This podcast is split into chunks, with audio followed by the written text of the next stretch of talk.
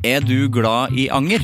Gjennom Acast sitt supportersystem kan du vise din støtte til meg. Det er selvfølgelig helt opp til deg hvor mye du ønsker å bidra med. Klikk på lenken i podkastbeskrivelsen for å støtte podkasten. Hiring for your small business? If you're not looking for professionals on LinkedIn, you're looking in the wrong place. That's like looking for your car keys in a fish tank. LinkedIn helps you hire professionals you can't find anywhere else, even those who aren't actively searching for a new job but might be open to the perfect role. In a given month, over 70% of LinkedIn users don't even visit other leading job sites. So start looking in the right place. With LinkedIn, you can hire professionals like a professional. Post your free job on linkedin.com slash people today. Wow. Nice. Yeah. What you're hearing are the sounds of people everywhere putting on Bombas socks, underwear, and t-shirts made from absurdly soft materials that feel like plush clouds. Yeah, that plush. And the best part? For every item you purchase, Bombas donates another to someone facing homelessness. Bombas. Big comfort for everyone. Go to bombas.com slash ACAST and use code ACAST for 20% off your first purchase. That's bombas.com slash ACAST. Code ACAST.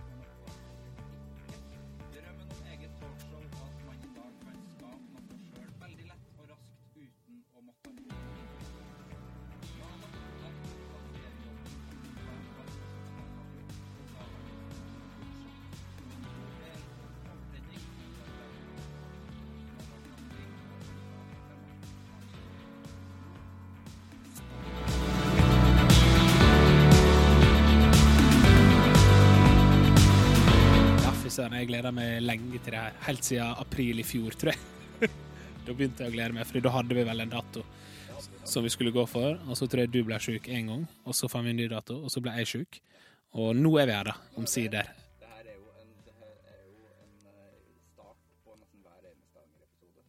Er det eh, det? Ja, det ofte det.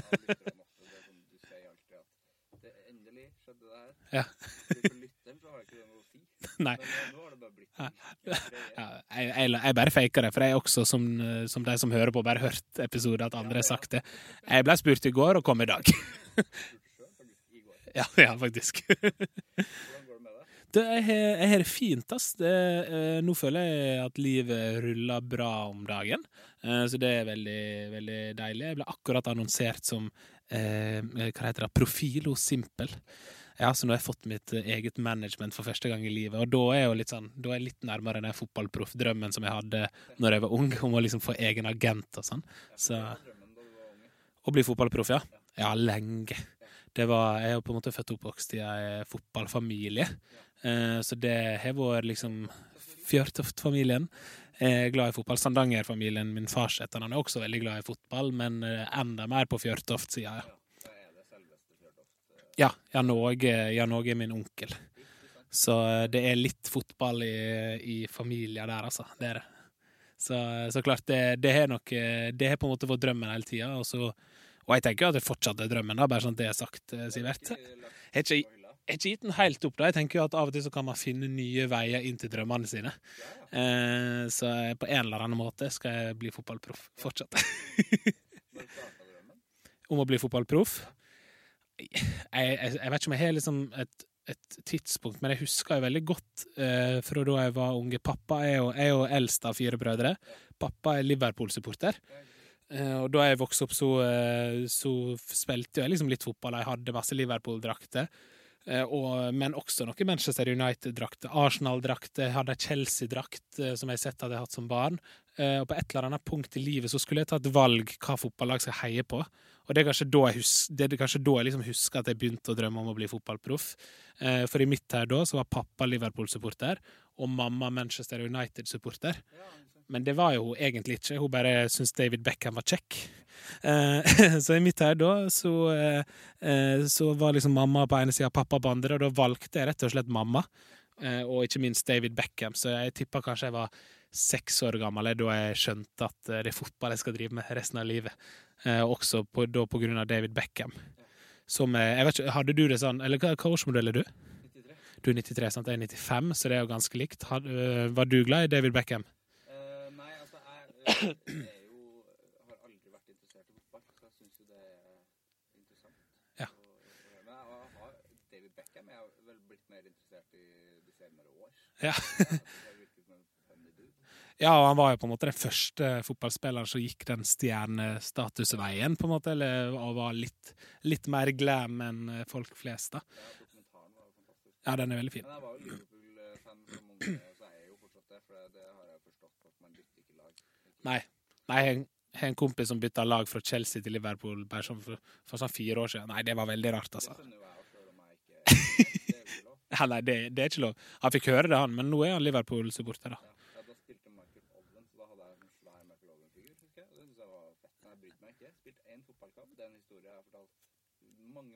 Ja.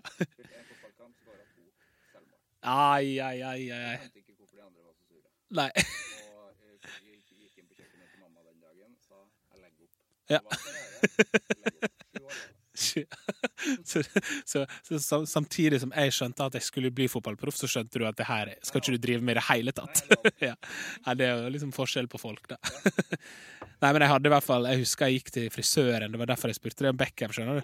Jeg gikk til frisøren, ja. Jeg skjønner, du må jo ha kopiert flere, kopiert jo flere stiler. der. Ja, jeg var skinna. Eh, I første klasse så var jeg skinna. Det var ikke bra. Det, så, det ser ikke bra ut i det hele tatt.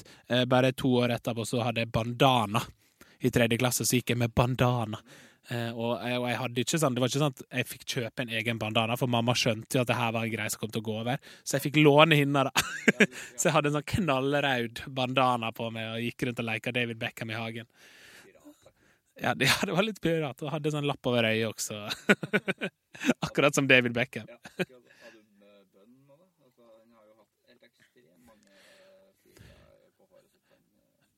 Ja, jeg tror ikke jeg har hatt bønn. Altså. Jeg tror jeg aldri kom dit. Tror jeg, da tror jeg liksom enten at mamma sa 'nå må du klippe deg', og på en måte tvingte meg til det, eh, eller så fant jeg ut sjøl at nå, nå er det gått for langt. Så jeg hadde skinna, og så hadde jeg den der korte sveisen altså, som var ganske vanlig sveis. Eh, men det skal være sagt at i 2004 da tok eh, Kjartan Salvesen over eh, stafettpinnen. For da gikk jeg til frisøren med bilde av Kjartan Salvesen, Idol-vinner i 2004. Ja, ja, ja, den beste Idol-vinnerlåta, spør du meg. Standing tall, ja. Eh, ja, du skal ikke kimse av eh, She's So High Kurt Nilsen heller, da.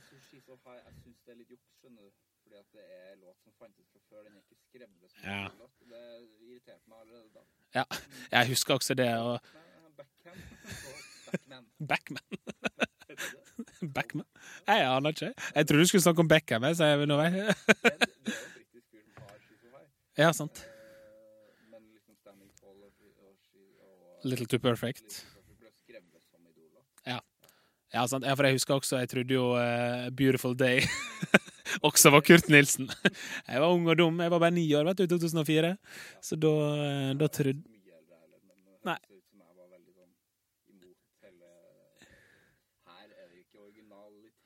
Nei.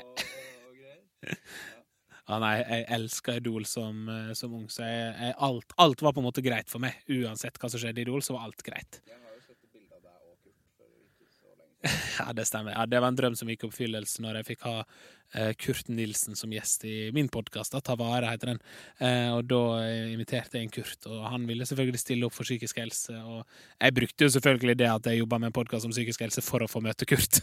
og det er jo sånn, det er jo sånn å jobbe, tenker jeg. Har. Ja, ja. Det er jo en kjempefin måte å eh, møte folk på. Og du er jo møtt snart 300 stykk gjennom den podkasten her. Ja, fy søren. Ja, det er imponerende. Det er eh, Men, men, men kom hun hit med bil? Da spilte vi inn på Torshov, og jeg kom opp med bilen, ja. Den gamle Ford sin, som hun Fy søren. kjøpte for 50 000 kroner back in the days, som var helt ekstremt dyrt for en bil. Ja, ja. Eh, var på forsida på VG, det. Ja. Fy søren. Åse slått gjennom, da. Ja. Har kjøpt seg en Ford Mustang for 50 000. Eh, Så vi skulle ta bilde etterpå. Eh, Og hun er jo et, eh, hun er et fabelaktig menneske. Hun må, ja. og veldig perfeksjonist. Så, Ja. så det holdt ikke med bare en sånn kjapp selfie som vi pleier å ta. Nei. det var en halvtime med liksom forskjellige motiver. Ja, det var såpass, ja. Ja. Til slutt, etter en halvtime, så sa hun 'jeg henter bil'. Ja. det venter jo bare på at du skal se. Ja, du hoppet jo med Jeg skjønner at du ikke kan foreslå Åse Kleveland kan vi ligge på panseret på bilen din. Det, var jo, det er jo bånd, det er jo ordentlig båndbil. Liksom. Ja. Ja, det, det bildet må jeg se. Det skal jeg se etterpå. Ja. Så skal jeg sjekke om jeg kan toppe det eh, når vi skal ta bilde etterpå. Jeg har dessverre ikke noen bil, men jeg har Jeg har ingenting. Jeg har flaske, drikkeflaske, en sekk. Jeg har en notatbok i sekken. Vi kan få til noe med det, altså. Ja. eh, altså, du kan toppe det eh, allerede med noe som jeg fant ut for ikke så lenge siden. Det, er at du har en egen Hotel Cæsar-wiki. Ah. Ja, det, ja, det skjønner jeg. Det, den er blitt uh, konfrontert med før. Den Hotell eh, googler det. Er noe av det første som kommer opp når man googler meg. Uh, det er Hotell Cæsar-wiki-sida mi. Og jeg, eh, jeg skulle ønske at jeg kunne si sånn Ja, det var jeg som skrev den, og jeg husker det, det var liksom spøk. Men det var ikke det, og jeg aner ikke hvem som har skrevet det. Nei, men de der wiki-sidene til sånne serier er så ekstremt fascinerende. For at det er, uan, altså, det er alle som har vært med. Sånn der Kaptein Sabeltann-wiki òg. Liksom, Ja, ja. Fins det? Det er gøy. Ja, ja. Kanskje ikke de syv søstre, men det Nei. ja det, det er jo på sin plass. Du, det, du var jo ikke Jens August i Hotell Cæsar, liksom. Men Nei, nei, nei, jeg var Georg Anker Hansen. ja, nei, jeg spilte ja, hva, Den eh, rolla heter Hjørneren. Altså ikke bare Jørn, men Hjørneren, for han var kompis. Bjørneren, Jeg tror det var det som var navnet på karakteren. Ja, riktig. Bo var jo da Nei, jeg husker ikke. Jeg så jo ikke på Hotell Cæsar på den tida, så jeg husker ikke hvem Bo var. Men jeg husker veldig godt at det var ikke en karakter som var med lenge. Det her var jo i sesong i 30 et eller annet. ja, Jeg tror jeg var med uh, For jeg var med den rolla kom inn en gang seinere også. Da tror jeg jeg var med siste sesongen. Om ikke nest siste, da, men det var liksom helt på tampen av eh, Cæsar-livet. Så eh, kom hjørneren Jørneren inn og kødda litt. Nei, jeg, bare, bare, jeg kan ikke si hjørneren. Hjørneren. Det går ikke på min dialekt, så jeg må eh. Nei, man sa blinde, blinderen og økeren og ja. eh, Hjørneren. Nei, men jeg, var, jeg husker veldig godt, eh, for jeg gikk på folkehøyskole, og så, da meldte jeg meg inn i sånn statistarkiv på Hotell Cæsar, for jeg tenkte sånn eh, Det var så mange i bygda mi hjemme som sa at da jeg skulle til liksom Jeg skulle gå standup på på eh, folkehøyskole. Ringerike, faktisk. Ja. Eh, og så sa de sånn Ja, da, da skal du dit og, til Oslo og bli skuespiller, Hotell Cæsar. Og så husker jeg var sånn Ja, men det er jo mange andre ting jeg heller vil gjøre enn Hotell Cæsar. Og når jeg da, et år etter jeg la meg inn i det arkistarkivet Oi, hva sa jeg nå? Statist? sa jeg det? Det var gøy. Arkist, arkistativet. Statistarkivet, det var et vanskelig ord. Skal ikke si det fort tre ganger på rad. da jeg la meg inn i det arkivet, et år etterpå, så fikk jeg liksom en melding. Vil du komme og prøvespille for en rolle? Eh, og så fikk jeg den rolla, og så var det Det var en statistrolle med én replikk. Eh, og den replikken var 'Den er grei'. Ja, og den, eh, den var jeg veldig fornøyd med. da. ja, det, Hjørneren kan eh, levere den. Nei, så det var, det var gøy, så det kom i lokalaviser og sånn, da, hjemme.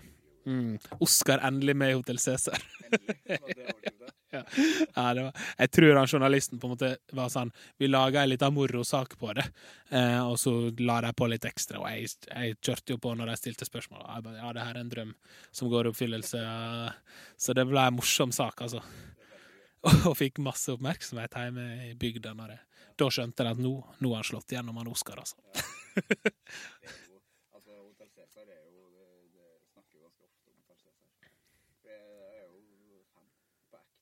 Ja, du er det? Ja. Men har du sett det nå i nyere tid? Eh, Jeg har begynt på nytt sammen med min kjæreste. Ja. Men det- problemet vet du, med Hotell Cæsar Det er veldig mange problemer. Men Ja. eh, det største problemet eh, prøv, prøv å gjette hvor mange episoder det er i en sesong.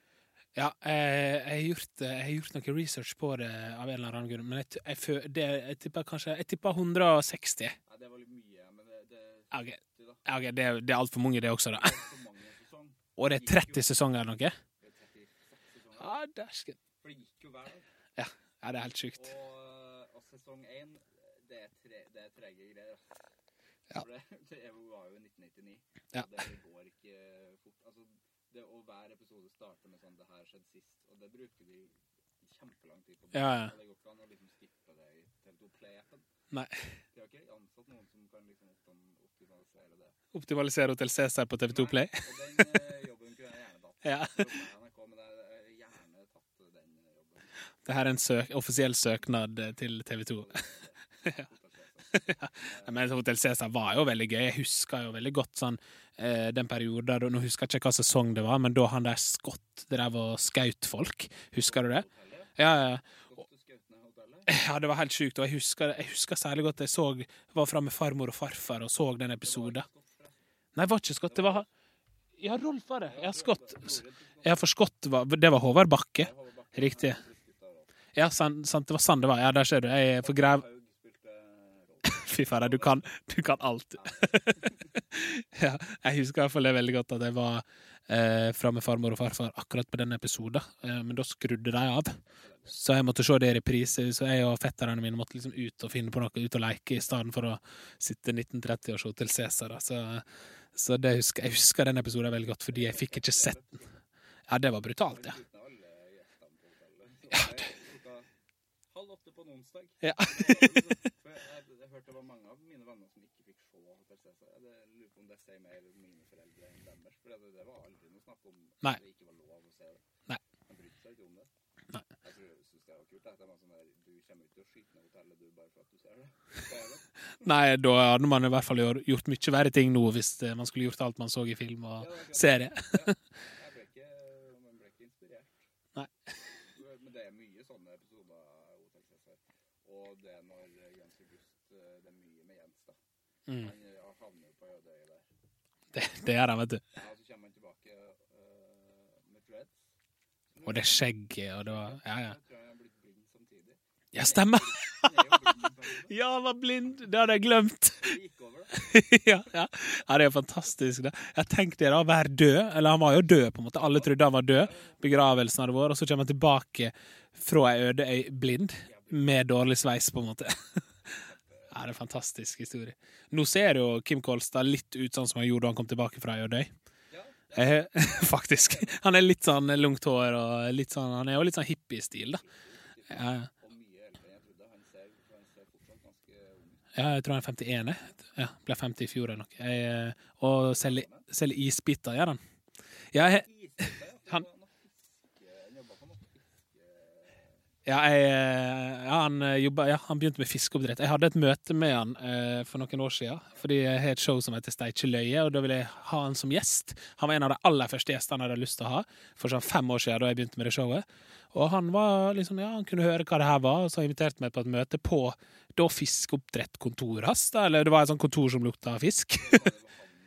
riktig, riktig. Liksom bak Salt og Opera, da, for de som har vært eh, nedi der. Eh, og så eh, Og han, var, han er jo en kjempehyggelig fyr, så jeg har på en måte holdt litt kontakter med han etterpå. Og synes jo det, apropos det å snakke om i stad, det å følge drømmene sine og få liksom nye drømmer inn i det, bare det at jeg er litt sånn på Kan jeg ringe Kim Kolstad hvis jeg trenger hjelp til noe, eller bare ta en kaffe med Kim Kolstad. Da blir jo sju år gamle Oskar sånn Wow, du fikk det til. Du fikk det til. Ja. Så, eh, men han er en hyggelig fyr, altså. Og gøyal type. Og nå selger isbiter. Jeg- Sist jeg snakka med han, så solgte han isbiter. Jeg så han komme en gang, jeg husker ikke hvor jeg satt den, det var nede i sentrum i Oslo en plass, og så kommer det en fyr som jeg bare sånn, her, ser litt kjent så ser jeg at det er Kim Kolstad som går med en sånn svær pose med isbiter på ryggen. Og da selger han isbiter, de som vi har nede i glassene på restaurant og sånn. Ja, så det er han som produserer det, har et sånn islager, og så selger han det. Det er jo det er fascinerende hva, å gå fra å være liksom det du altså flystyrt og blind og skuespiller, og til å bare være sånn Gjør noe helt annet. Ja, men jeg har hørt, jeg har hørt at det var jo aldri noe Han skulle aldri bli skuespiller. Nei, nei, nei. Ja, og så ble han der fordi det var gøy, og det var en hyggelig gjeng og sånn. Man merker jo det skal sies at man merker det innimellom at eh, det er ikke din drøm å være skuespiller. Nei da, det. nei, det merker man på flere. Nei, som er det. Ja, hun er god. Hun er legende. Ja, det. Er helt sjukt. Tenk deg det. Det er så mye, det, ja, det er alle episoder. Ja, det er jo helt ekstremt mye. Ja, hun er, hun er legende. Jeg var heldig å få møte hun også på, gjennom Stage Løyra, det showet mitt som jeg refererte til i stad.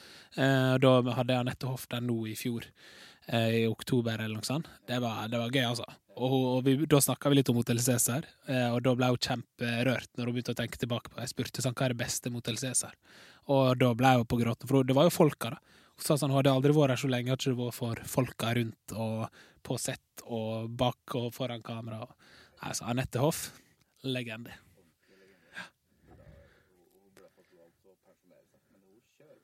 Ja, hun kjører på, altså. Hva gjør hun nå, egentlig? Ja, stemmer! Ja, riktig det. Med Jonas Oftebro. og- Ja, ja. Kult. Men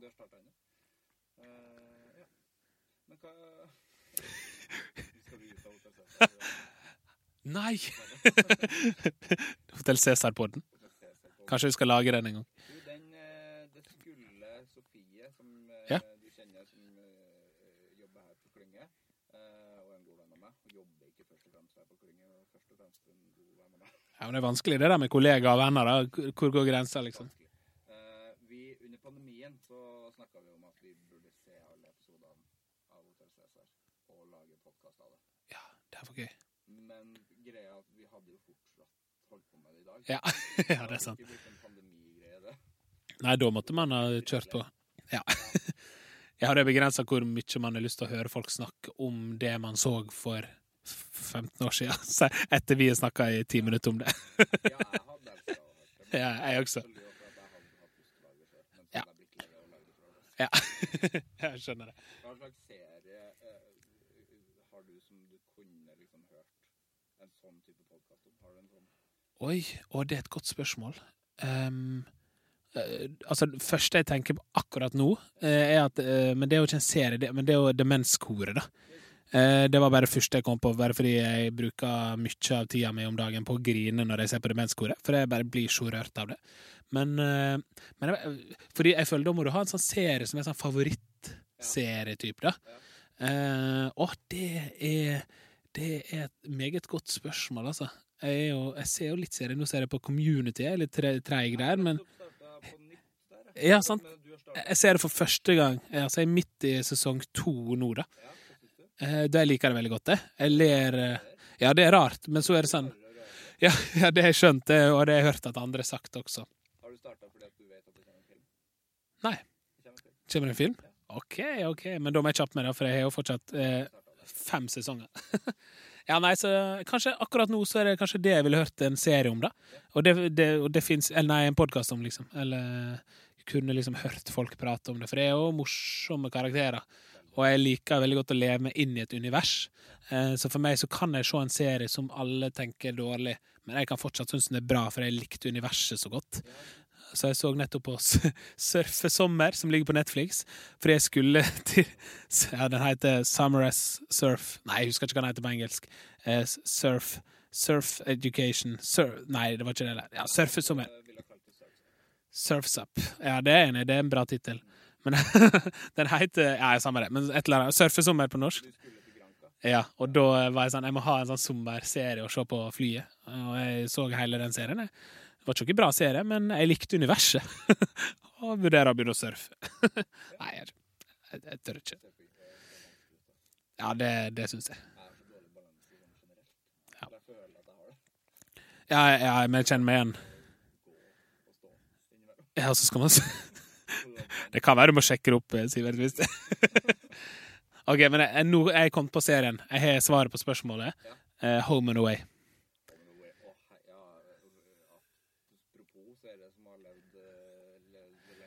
Oh yes, jeg fremdeles, og jeg ser på det fortsatt. Alf er med, vet du. Han ble akkurat i går, Denne den episoden jeg så i går, så ble han hedra. Ja, han ble hedra i Home and Away for sin som 30 år Summer Bay Surf Club-opplegget. Men har du sett alt?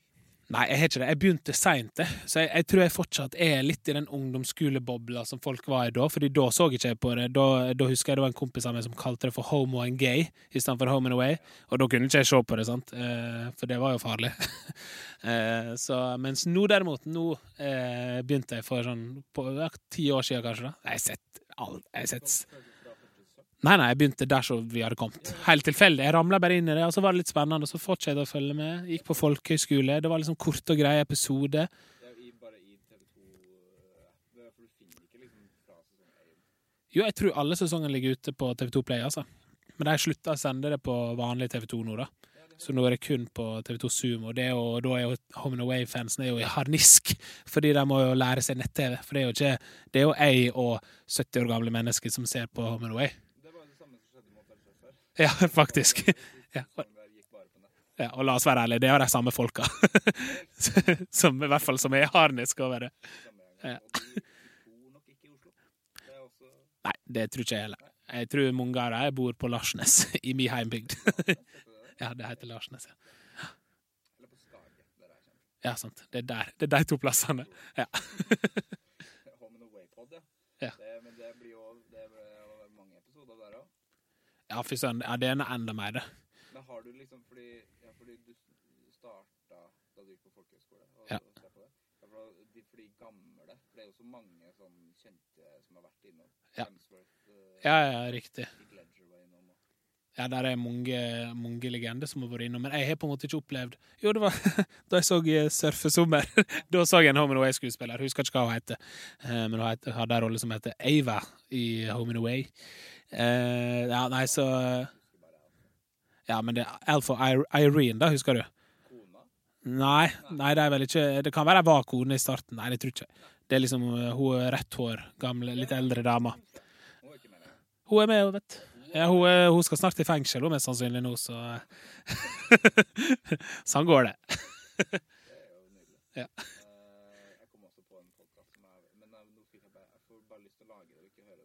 eh. Ja. Eh, Ja. den podkasten kunne jeg også hørt. Og gjerne med Tommy Steine og gjengen som satt og kommenterte det nå. Det hadde vært gøy. Det hadde vært kjempegøy. Jeg vil egentlig bare ha reunion med dem, for jeg tviler på at stemninga har blitt bedre. Ja, Kan jeg bare lage Komikameratene 2? Altså, det er hvis man ikke Samme opplegg ut på turné? Ja. Ja, herlighet, det er morsomt. Jeg så det i fjor jeg, for første gang. Uh, og fordi jeg var sånn, jeg hadde begynt å sett på det en annen gang jeg hadde fått det anbefalt, og så var jeg bare sånn, jeg ork, det her orka ikke jeg, kjente. Men i fjor så hadde jeg en periode der jeg var sånn, det her trenger jeg. og da, eh, jeg bincha den ganske greit, altså. For det var, det var morsomt. Det er morsomt. Var veldig vondt også. Ja. Eh, når du sitter i bussen der, altså den, den vondeste scenen jeg vet om, er eh, Ring meg, eh, den nye vers på Ring meg. der Ja. Ja. Jeg så veldig på Jonas eh, Sunde Bergland sitt lag der. Ja, ja. Det er utrolig at de her folka jobber med humor, som han sier. Ja. For det er ikke morsomt. Nei. Røyksignal meg er noe som eh, sies. Ja, stemmer. Ja, det, ja, nei, det, er en gøy, det er en gøy serie. Det, den anbefales virkelig. Anbefales. Mm. Uh, men eh, vi, vi må snakke nå Er vi på ville veier? Men jeg liker jo det. Ja, jeg syns det er hyggelig. Starta med fotballdrøm. Ja. Og øh, når endra den eh, drømmen seg, da? For den har, du sa at den er ikke over, men den endra seg jo. Ja, ja den er, og den er jo over. Det skal jeg være ærlig. Jeg skjønner det at en mann i slutten av eh, 20-åra er på 100 pluss kilo ikke kan bli fotballproff. Det forstår jeg også. Eh. innen fotball på en annen altså, Ja, det er sant, da. Ja, det er sant. Jeg mener jo at eh, Nicolay Ramm har jo på mange måter drømmejobben. Eh, for han jobber jo sånn Han, kan, han driver jo eh, det der helt ramme sporter. Syns det er dritgøy program når han reiser rundt og prøver idretter i lag med andre folk. Kjempegøy. Da tenker jeg sånn Ja, det har jeg også lyst til å gjøre en gang. Noe, noe lignende. Så, men det var vel kanskje Jeg var jo liksom ung, ung sunnmøring, ung bygdegutt med ikke så mange tilbud for liksom kreative ting. Jeg var med på noe som heter Kong Arthur-spelet eh, som er et sånn lokalt spill som er drevet av liksom, frivillighet. Kjempefin greie. Eh, så der var jeg med annethvert år, eller an, ja, litt sånn annethvert, år. Kong Arthur? eh, Ja, det er basert på et segn om at kong Arthur for til havlandet på et eller annet tidspunkt, og havlandet er jo da Søre Sunnmøre, eh, ut med havet fra Britannia, som er på en måte rett over eh, kysten, da, kan du si, eller rett over havet. Eh, og så slo han seg til ro der litt, og fikk og plyndra og voldtok sikkert litt og sånne ting, og fikk seg en unge der, som da var liksom hans sin hans, sin- ja, Hassi Nunge, unge, rett og slett. da, eh, Gardsgutten der. Eh, så dere laga et spill om et humoristisk sogespill der jeg var saud første året. Altså sau. Sau. Eh, jeg bare jeg, jeg, jeg sier det til lytteren, i tilfelle, for det er ofte folk er sånn Saud? Saud, hva er det for noe? Hva er det for noe? Eh, ja, ja, folk, jeg. Er helt enig. Jeg sier også Skeid. Altså ikke som i Skeid fotballklubb, men som i Skeid å spise Nesquik med, for eksempel. Sånn frokostblanding. ja. Nei, ikke pulver. det er ikke så ofte jeg spiser Nesquik-pulver. Ja, det gjorde jeg. det gjorde Jeg Jeg gjør det fortsatt hvis det ikke er godteri. Nei, hva det var, hva det var jeg holdt på å si? Jo, jeg spilte Saud, eh, var Saud i Kong Arthur-spillet, og- har på en måte fått lov å være innom masse forskjellige roller der opp gjennom åra. Så det var absolutt viktig for meg eh, for å, ja, for å få lov å måte, utvikle meg kreativt og leke meg på en scene foran et publikum. Eh, og så i seinere år så deltok jeg på UKM. Eh, var du med på UKM? Absolutt flere ganger. Ja. Ja, ja. Nei, for det, jeg tror det var der det liksom Der snudde det litt for meg. Da. I 2012 så gikk jeg til landsfestivalen i Trondheim som, ja, som konferansier. Fikk stå på Olavshallen der foran 500 ungdommer og bare syntes det var dritgøy. Det aller gøyeste jeg har gjort i hele mitt liv, var å stå på den scenen. Eh, så jeg tror det gjorde at jeg skjønte litt at her kan jeg gjøre noe mer. Så var jeg fortsatt ganske ung da, så det var vel først når jeg gikk på folkehøyskole at jeg at den endra seg, som sagt. For jeg spilte fotball hele veien her, og har spilt tredjedivisjonsfotball. Bare 30 minutter totalt på tre kamper, eller noe sånt. Eh, men likevel har jeg spilt liksom eh, eh, gans, ganske høyt nivå, da. Blei vraka den gangen vi skulle møte ÅFK i cupen, så det var litt synd, da. For da kunne jeg møtt Eliteserie og Mikael Barantes og Tor Hogne Aare, for de som har fotballreferanser. Ja, det var det lytteren, for det- den tok ikke. Nei, det var, det var kun til eh, alle, alle mine lyttere her i dag. Nei, så det endra seg vel litt sånn. Det var litt UKM og litt Kong Arthur-spill som gjorde at jeg skjønte at andre ting var gøy, da.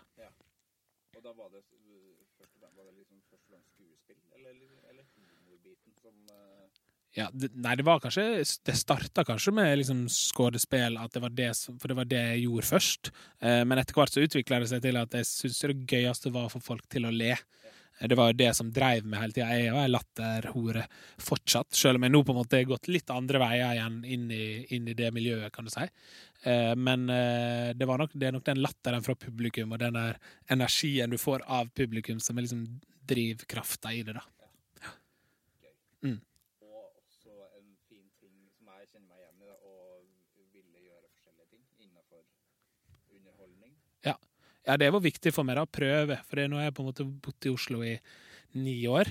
eh, og jeg har fått gjort masse forskjellig, og masse ting som ikke har vært kjempegøy på scenen, men også masse ting som har funka og vært gøy. Eh, og jeg syns noe av det gøyeste er at jeg kan se tilbake på liksom den Oslo-tida og være sånn Ja, OK, så jeg har hatt et juleshow, da. Eh, på ei dritlita scene. Det var plass til liksom 30 stykker i salen, og vi solgte ikke ut det engang, på en måte. Eh, det var på Henriken.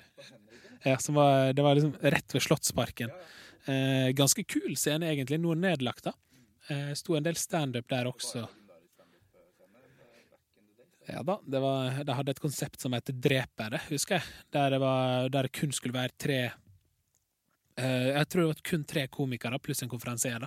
Og da hadde man liksom 20 minutter hver. Og for meg som da var helt fersk i standup-gamet, og fikk stå 20 minutter, så var jo det helt sånn Å, fy søren, jeg har jo bare sju minutter. så måtte jeg skrive 13. da. Det er ganske mange minutter på ei standup-scene. Men det var veldig god læring og gode opplevelser det når jeg begynte med standup i Oslo. Hva er det du eh, Hvordan er drømmen nå? Hva er liksom Tenker du fortsatt på at det finnes en drøm?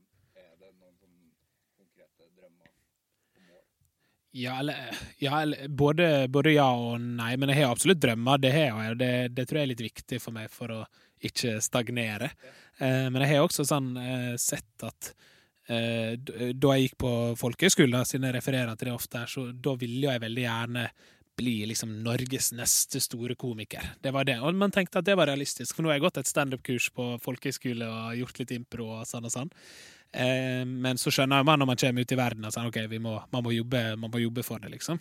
Men jeg jeg liksom klarte å nyte det etter hvert. I starten så var jeg veldig sånn higende og gjorde alt jeg kunne for å få liksom store ting, og så var jeg liksom ukjent og hadde ikke jobba så mye med humor at jeg hadde ikke så masse å komme med heller. Eh, mens etter hvert så har jeg liksom klart å nyte det jeg driver med, og det, jeg, det er blitt mer og mer viktig for meg. da. Så nå, eh, sånn som i dag, så jobber jeg i, i P3 eh, og eh, på det andre teateret, og det er mine to jobber. Og da blir det sånn, shit, det er jo akkurat Det var jo det jeg ville for noen år siden, og så gjør jeg litt andre ting på det andre teateret enn hva jeg tenkte for noen år siden. Og, eh, og på en måte P3 også er jo på en måte, Det er jo mer arbeid enn å bare sitte og være kul programleder, på en måte. Eh, Men likevel så har jeg liksom klar, klare å nyte det man gjør på veien til målet, er blitt veldig viktig for meg. da. Så derfor er jeg, sånn, jeg er kjempefornøyd med den posisjonen jeg er i nå, og det jeg får drive med. Og så er jeg også spent på liksom hva som skjer framover, og vil jo fortsette å jakte det neste. Eh, Men tar meg også liksom god tid. Jeg vil jo, Drømmen er å ha, også ha senkveld med Oskar og Harald. Eh, Så dro, bare droppe Thomas. For du dropper Thomas, ja. jeg tror jeg heller ville hatt show med Harald enn Thomas. ja. ja. En, en ta øh, Håse og Senkveld med Oskar og Tommy. Ja, Ja. jeg en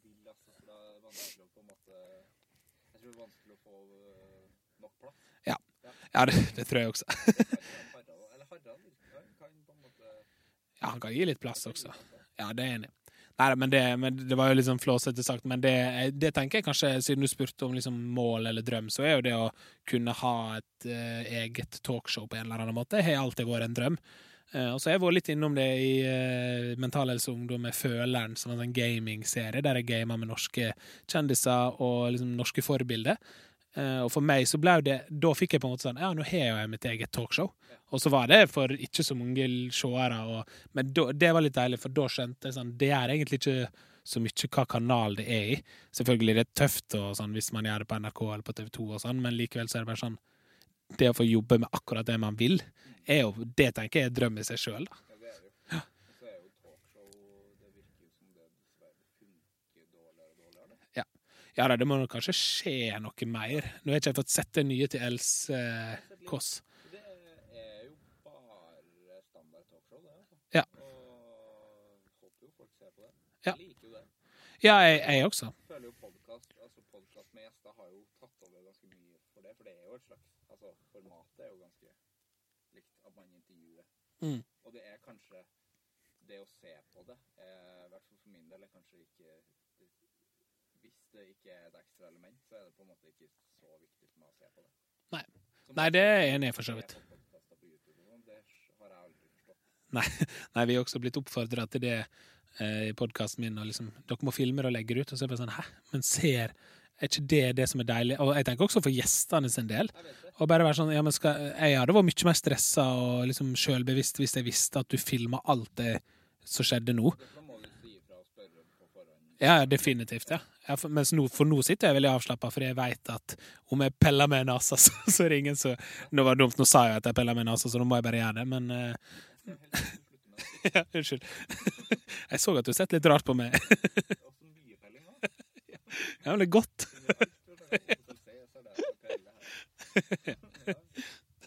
Ja, nei, det er jo det, fordi jeg syns òg det er ubehagelig at absolutt alt skal filmes hele tida. Mm. Bare, for det, grunnen til at jeg gjør podkast, er jo fordi at jeg har drømt om å eh, altså, hatt en radiodrøm helt siden jeg var liten. Ja. Lagd eh, Har jo tonnevis av kassetter hjemme hvor jeg lager liksom lokalradio. Ja, kult. Eh, det var drømmen da. altså. Og så kom podkast. Så jeg bare sånn Ja, men det her kan man jo liksom bare Det, det, det er jo bare å sette i gang.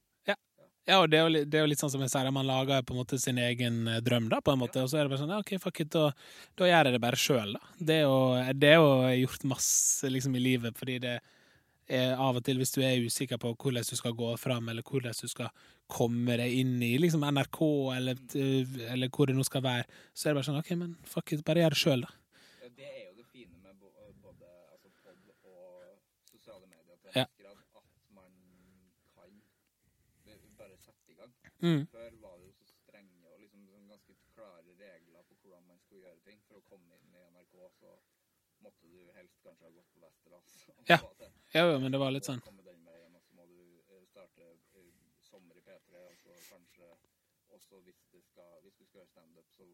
du på Da må du på kurs Ja. først. eh, på RDK, og så og kanskje Latter etter hvert. Ja. liksom.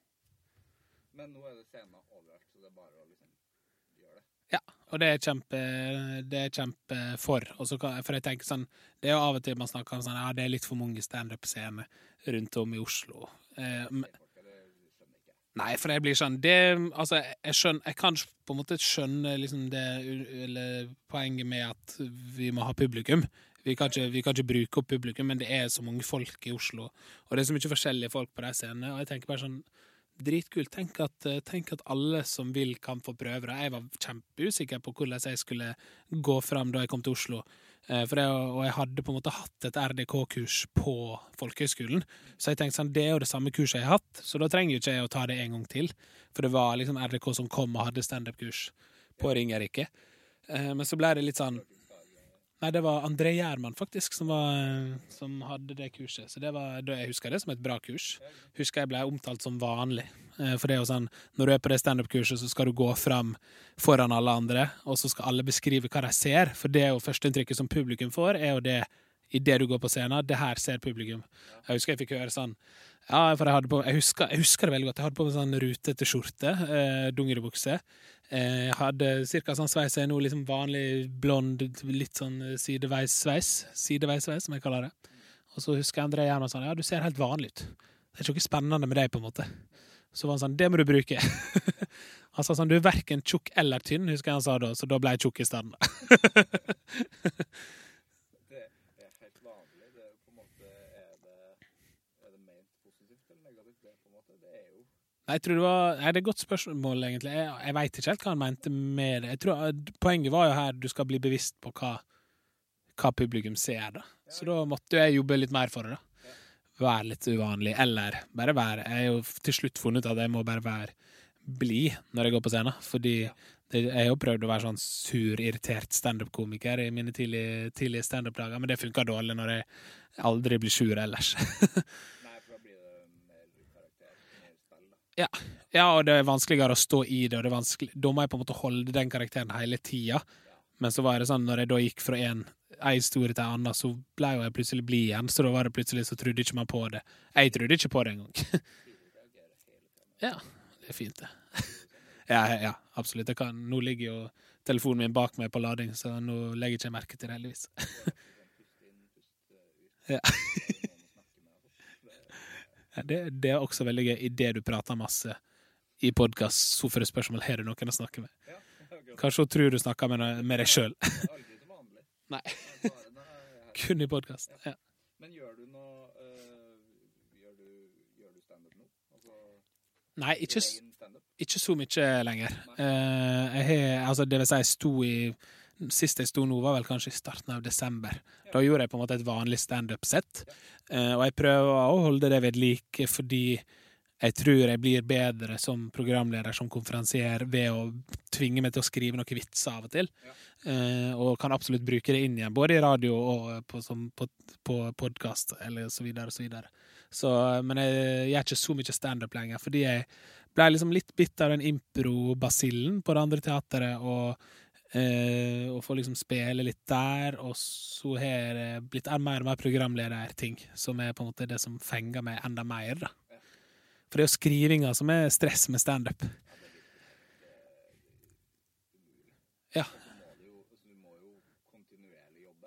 Ja, jeg, og jeg er kjempeimponert over de som gjør det. Eh, og der er mange går Vi hadde jo, jeg, jeg hørte jo episoder med Snorre Monsson på vei hit i dag.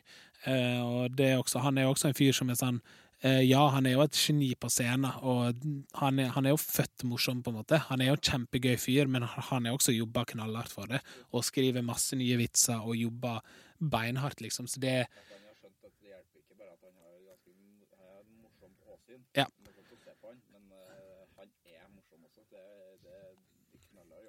Ja, absolutt. Og har morsomme tanker, morsomme refleksjoner rundt ting. sant? Og det er fordi han har satt og skrevet og strøket ut og skrevet nytt og testa det og prøvd igjen og så videre. Så den er litt sånn Det er jo derfor jeg ikke gjør så mye standup, fordi den å sette seg ned og skrive, det syns jeg er litt van vanskelig. Da stopper det litt opp for meg. Ja, det skjønner jeg. Ja, det syns jeg virker helt eh, Det virker så vanskelig. Ja, det, det er det. Man kan ikke, altså Hvis du er publikummer, og så ser du eh, For man vil ikke høre en vits to ganger. Det er sånn, for det, det, er- det er noen paralleller til Nå driver jeg med musikk, så det er liksom Noen paralleller er det til å være musiker og, øh, og standup-komiker, føler jeg. Men ikke på den biten der. For at vi øh, Man vil helst høre de samme låtene ja, om og om, Ja, ja. men aldri samme vits. Nei. Jeg, jo, jeg, husker jeg hadde Nå heller helle litt vann her, sånn at ikke Men uh, tissa litt i studio. Både pirka med nesa og tissa. Nei. Ja, jeg gjør det. Um, jeg husker en gang jeg sto standup, og da hadde jeg en tanke om at jeg har en drøm om å stå på scenen, og så skal jeg være artist, og så kan alle synge sungen min. Eh, og det er fortsatt, det er også en av mine sånne rare drømmer, å lage en låt som alle kan, uh, og så kan jeg synge, men så kan jeg stå der på sentrumsscenen og bare Jeg var på Kjartan Lauritzen-konsert, for eksempel, når det liksom fredag begynte, og bare han tar mikrofonen ut til publikum og trenger nesten ikke å synge sjøl. Da blir jeg sånn, det får jeg sånn frysning av å tenke på. Sånn, det må være en helt fantastisk følelse når så mange liker og kan, ikke minst kan det du har laga. Så det hadde en uh, test på en gang på en standup-scene der jeg gikk på scenen, så lærte jeg publikum starten av settet mitt. og så gikk jeg av igjen, og så kom jeg på, så sa vi det i kor. Uh, og det var jo det var jo gøy fordi jeg filma det og la det ut, på en måte. Det var jo morsomt med det, men det var ikke så gøy for publikum. Fordi den ene vitsen som var inni der, lo jo de av første gangen når jeg lærte dem den. Men så måtte jo de øve, og så måtte vi si det igjen. Og så sa jeg det igjen. Og så var det sånn. Så var det ferdig, og da var det sånn. OK, dritbra. Pønn. Ja, det. Var litt vanskelig å, litt vanskelig å gjennomføre det bra, men det var, jeg er glad for at jeg gjorde det.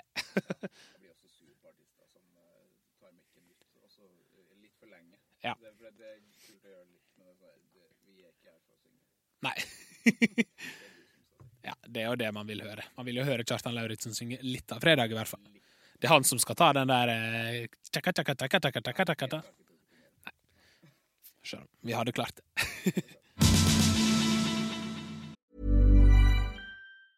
Jewelry isn't a gift you give just once. It's a way to remind your loved one of a beautiful moment every time they see it. Blue Nile can help you find the gift that says how you feel and says it beautifully with expert guidance and a wide assortment of jewelry of the highest quality at the best price. Go to BlueNile.com and experience the convenience of shopping Blue Nile, the original online jeweler since 1999. That's BlueNile.com to find the perfect jewelry gift for any occasion. BlueNile.com.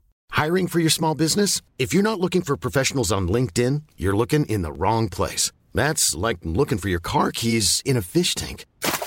LinkedIn helps you hire professionals you can't find anywhere else, even those who aren't actively searching for a new job but might be open to the perfect role. In a given month, over 70% of LinkedIn users don't even visit other leading job sites. So start looking in the right place. With LinkedIn, you can hire professionals like a professional. Post your free job on linkedin.com/people slash people today.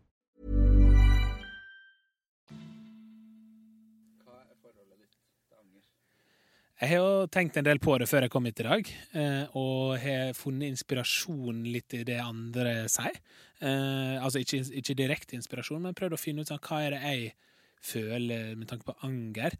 Og det, jeg har funnet ut av, er at jeg, jeg, tror, jeg tror ikke jeg angrer så mye i livet, men jeg er veldig redd for å angre. Jeg har, jeg har nok en liksom stor frykt for å angre, så når jeg skal ta valg i livet, eh, så kan det bli ekstra vanskelig, for jeg er så redd for hva som skjer hvis jeg velger feil, hvis det står mellom to ting, eksempel.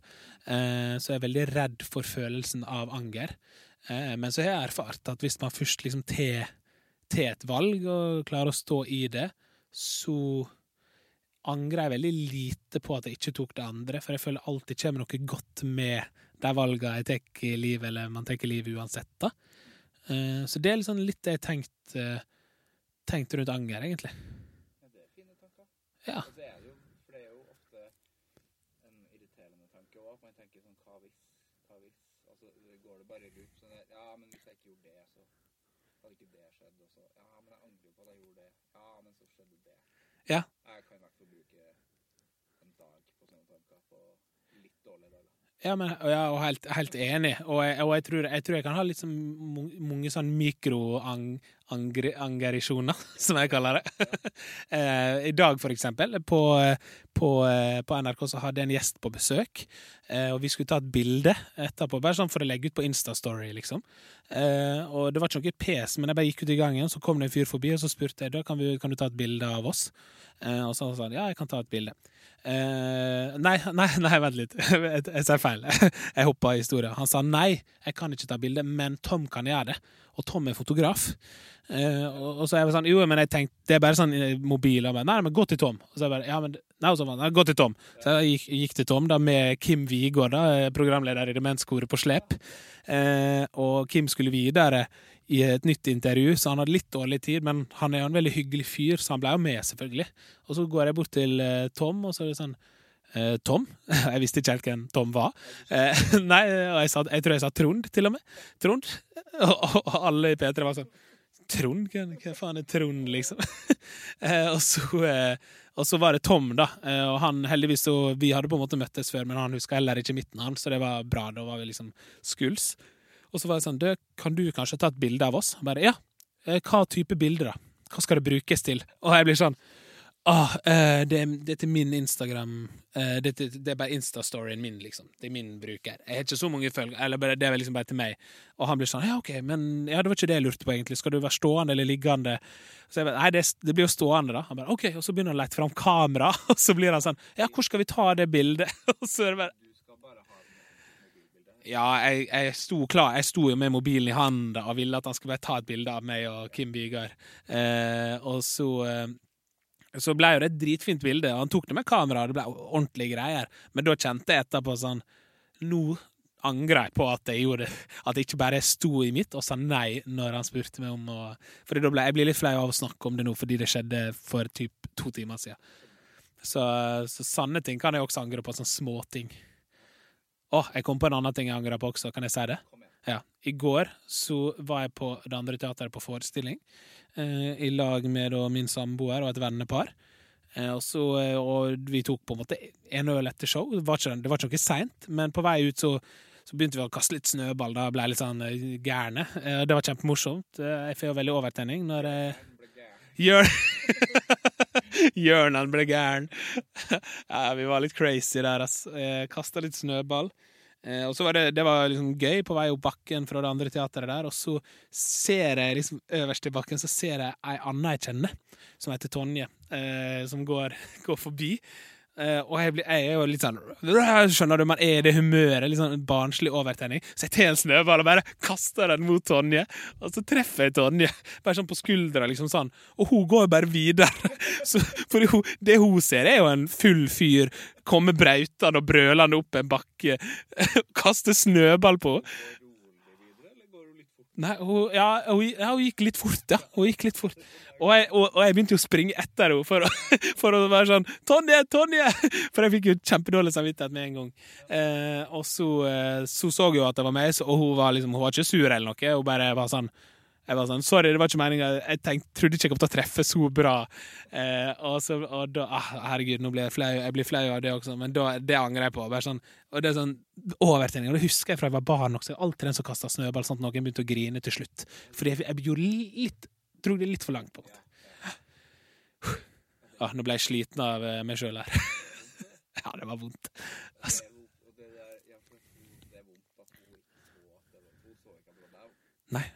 nei, hun, hun turte ikke å se. Ja, stakkars hun. Tenk på hora som Og klokka var liksom elleve, halv elleve, kanskje. Hun, nei, hun hadde vært på jobb i tolv timer, stakkars. Hun var dritsliten. Nei, og så får hun en snøball her av en eller annen eh, bre, breial sunnmøring nede i bakken eh, som kaster snøball på. Eh, liksom.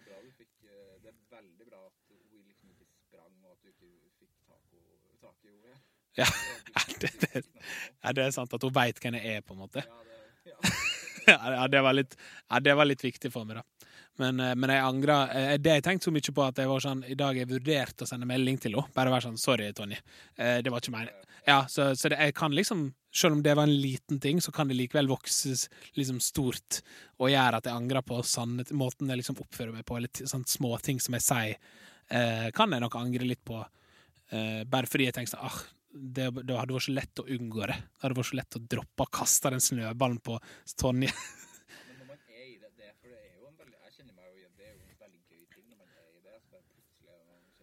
Ja, ja, det, ja, det var jo gøy. Vi ser jo Kim Kolstad med is der. Og så det Kaste en isbit i trynet på Kim Kolstad. Ja, du trodde kanskje jeg var død, ja.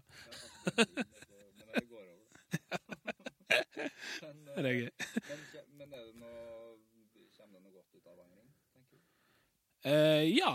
ja, det tror jeg. Et, uh, altså, man, jeg, jeg føler jo angring kan være liksom å være obs på det man føler på, eller det man har lyst til, og da kanskje droppe. Uh, så jeg tror absolutt kan komme litt godt ut av an- angring. Jeg har, sli, jeg har slitt mye, eller ikke slitt, men jeg har hatt mye FOMO i livet. Eh, jeg vil ha fått med meg alt, litt som jeg nevnte i stad, det med å liksom strebe etter det neste, det nye gøye, når man plutselig blir liksom innser at man er på sin første kjendisfest. Så sånn, Du kan ikke si nei til det, Oskar. Ja, jeg skal kanskje opp klokka åtte i morgen, men jeg må være med ut på den festen. Nå har jeg muligheter. Nå skal jeg på en måte slå igjennom, tenker man på den festen. Som er jo sånn, Selvfølgelig gjør ikke man det. Husker jeg Jeg husker jeg tok eh, håndbak mot Magnus Carlsen. Eh, apropos ting jeg angrer på, da, for så vidt. Eh, fordi det var liksom var god i gassen og eh, tenkte at det var det er gøy. Han skulle ha VM eller noe sånt om to uker. Da husker jeg ja, Nei, det var, det var surrete opplegg. Da sendte jeg mange meldinger de jeg var med den kvelden dagen etterpå. Bare sånn, det Var det greit? Eller sånn, fordi jeg, for jeg, et, som sagt, jeg var ikke nødvendigvis full. Jeg hadde bare den snøballkasteovertenninga. Ja, det var rett og slett overtenning av å være på liksom, kanskje det som var min første liksom, kjendisfest da, for eh, noe, noen år siden. Så, eh, men jeg tror absolutt det kan komme noe godt ut av angring. Eh, Jeg tror ikke jeg kommer til å kaste snøball neste gang en tilfeldig person går forbi. Banalt eksempel, men likevel, da. Fordi man har tenkt over hvorfor man velger som man gjør, da. Så Jeg tror absolutt det, det, er en, det er en måte å bli liksom på sine egne valg og sitt eget tankemønster på. Bare sånn, ah, 'Nå kjenner jeg at jeg angrer. Nå kjenner jeg at jeg skulle gjort noe annerledes.' Da gjør man det kanskje annerledes neste gang, da. Men eh, Anger har jo ei lillesøster som jeg bruker å se, som heter Skam. Ja. Eh, har du noe kjennskap til, til, til, til den? Eh, Ja, det har jeg nok, altså. Eh, Og så tror ikke jeg den eh, er nok ikke den jeg kjenner som har kjent mest på skam. Men jeg kan kjenne eh, Det, det har jeg ikke snakka med så mange om, det, men jeg kan kjenne litt på sånn fysisk eh, skam. Eh, fordi jeg eh, Jeg gikk jo Da jeg, da jeg var eh, på videregående, så gikk jeg toppidrettslinja. Spilte tredjedivisjon, som jeg nevnte i stad. Var liksom veldig fit og rask. Eller jeg var aldri rask, da, men, for jeg hadde fjørt så da er, da er ikke man rask. Fjørtoftlår, det har jeg ikke hørt om. Er det en greie? Ja, det er anerkjent fjørtoftlår. Det er bare store lår, altså. Eh, som gjør at vi ikke kan springe fort. Det går treigt liksom uansett hvor høye eller lave vi er, så har vi fjørtoftlår. så det er mange i familier som har det. Min morfar vi har det, min onkel har det. Eh, jeg og mine brødre har det, så vi er flere, flere i den gjengen der. Eh, så, men det kan jeg kjenne litt på, at jeg blir sånn eh, redd, liksom redd for å gå på ski, for jeg er redd for å ikke få det til fordi jeg ikke er så fysisk kapabel som jeg var før. Jeg husker veldig godt hvordan det var å fyke opp gjennom bakken på ski, mens nå er jeg i litt dårligere form, og derfor kan jeg kjenne litt på liksom fysisk skam rundt det. Eh, Men så er ellers så er jeg veldig sånn når jeg er på scenen eller når jeg sitter i podkaststudio eller radio, så kan jeg kødde masse med det. Og jeg er ikke noe, sånn, ikke noe dårlig sjølbilde av den grunn. Eh, Eller sjøltillit, da. Eh, Men akkurat liksom, av og til kan jeg kjenne på det, særlig når det kommer til liksom, fysisk aktivitet som jeg veit at jeg egentlig kan naile, men som jeg er litt dårligere på nå enn før. Eh, Men samtidig så har jeg også et kjempekonkurranseinstinkt som gjør at jeg blir ofte med uansett. Og så gir jeg fuckings alt, for jeg kan ikke tape.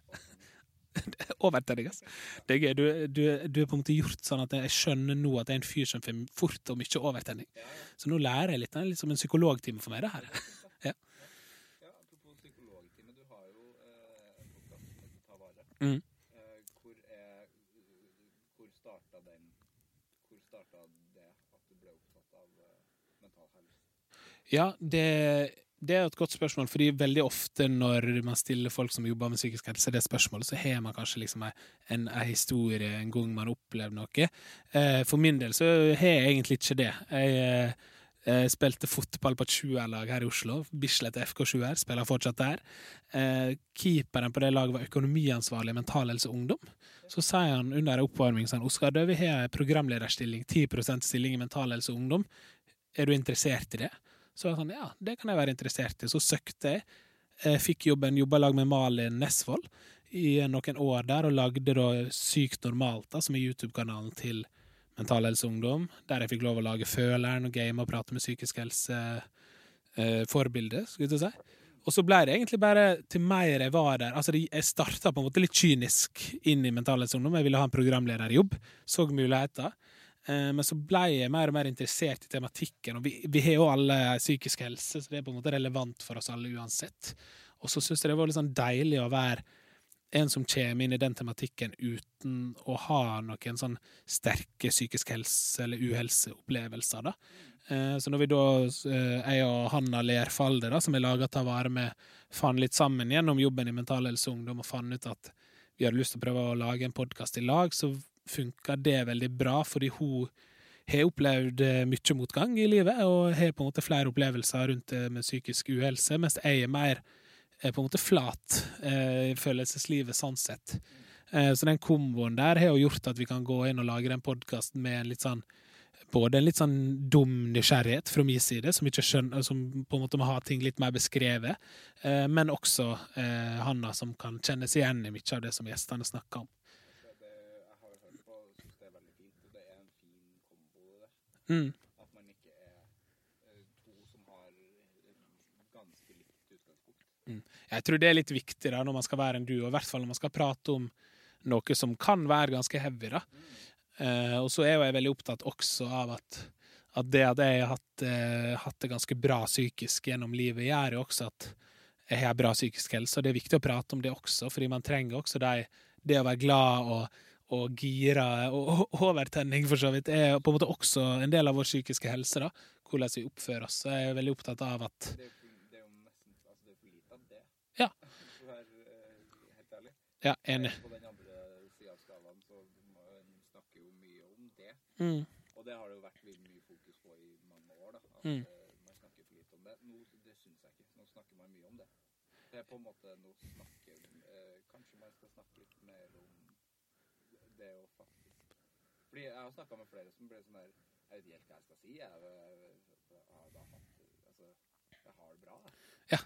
Vi hadde også Ylvis-brødrene som gjester i Ta vare, og da husker jeg jeg sa før innspilling Men bare før vi begynner, vi skjønner ikke hvorfor vi er gjester.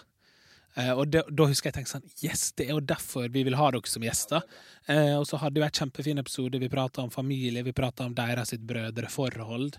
Eh, og vi prata om jul, da, for det var rett før jul. Eh, men det var jo Da fikk jo vi på en måte vist også til deg at sånn Vi mener at alle kan egentlig Alle vi syns er gode forbilder, kan komme inn her og snakke om psykisk helse, fordi man trenger ikke å ha hatt angst for å snakke om psykisk helse.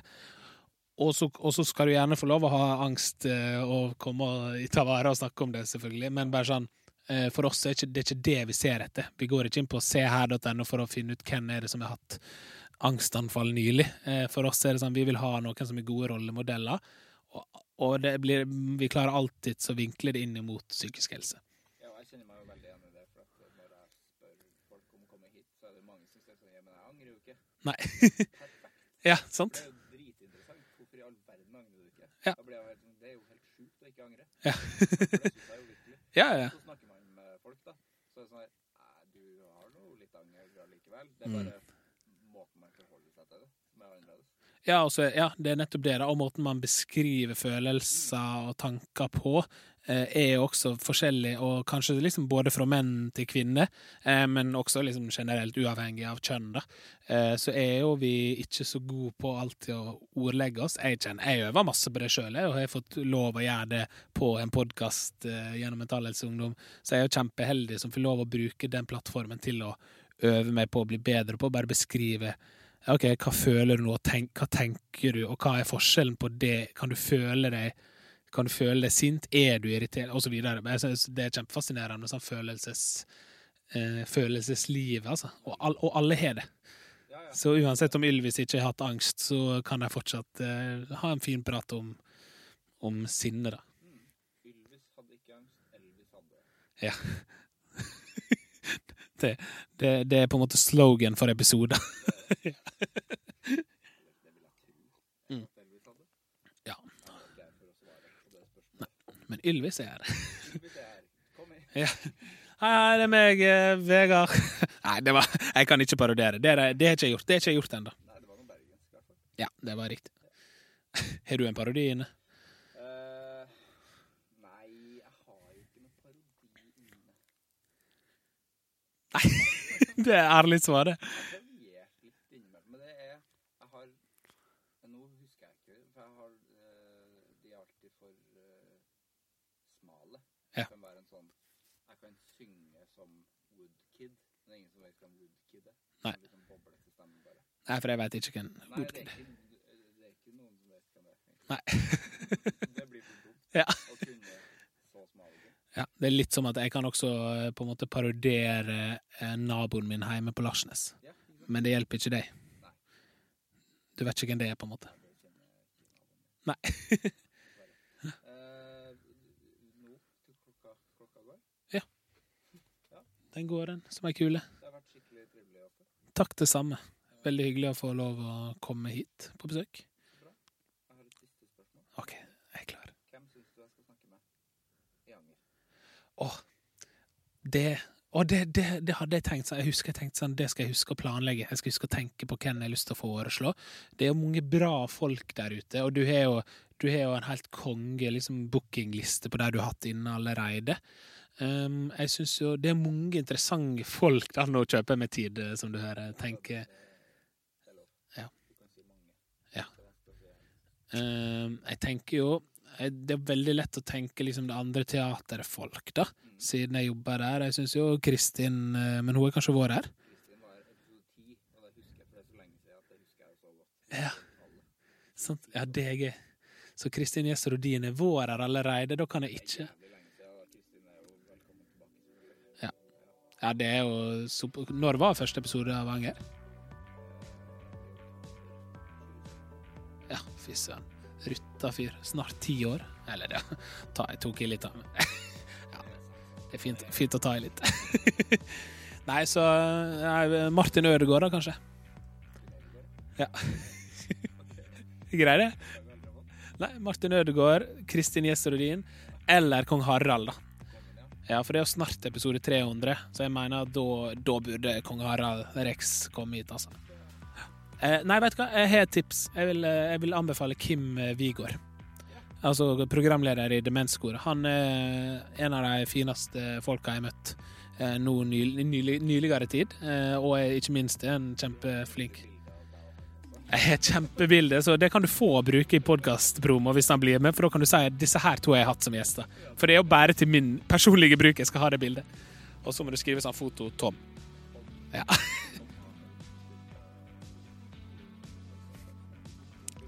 Yes, det ble sånn Circle of Life-stemning, eh, det her. ja. Takk sjøl.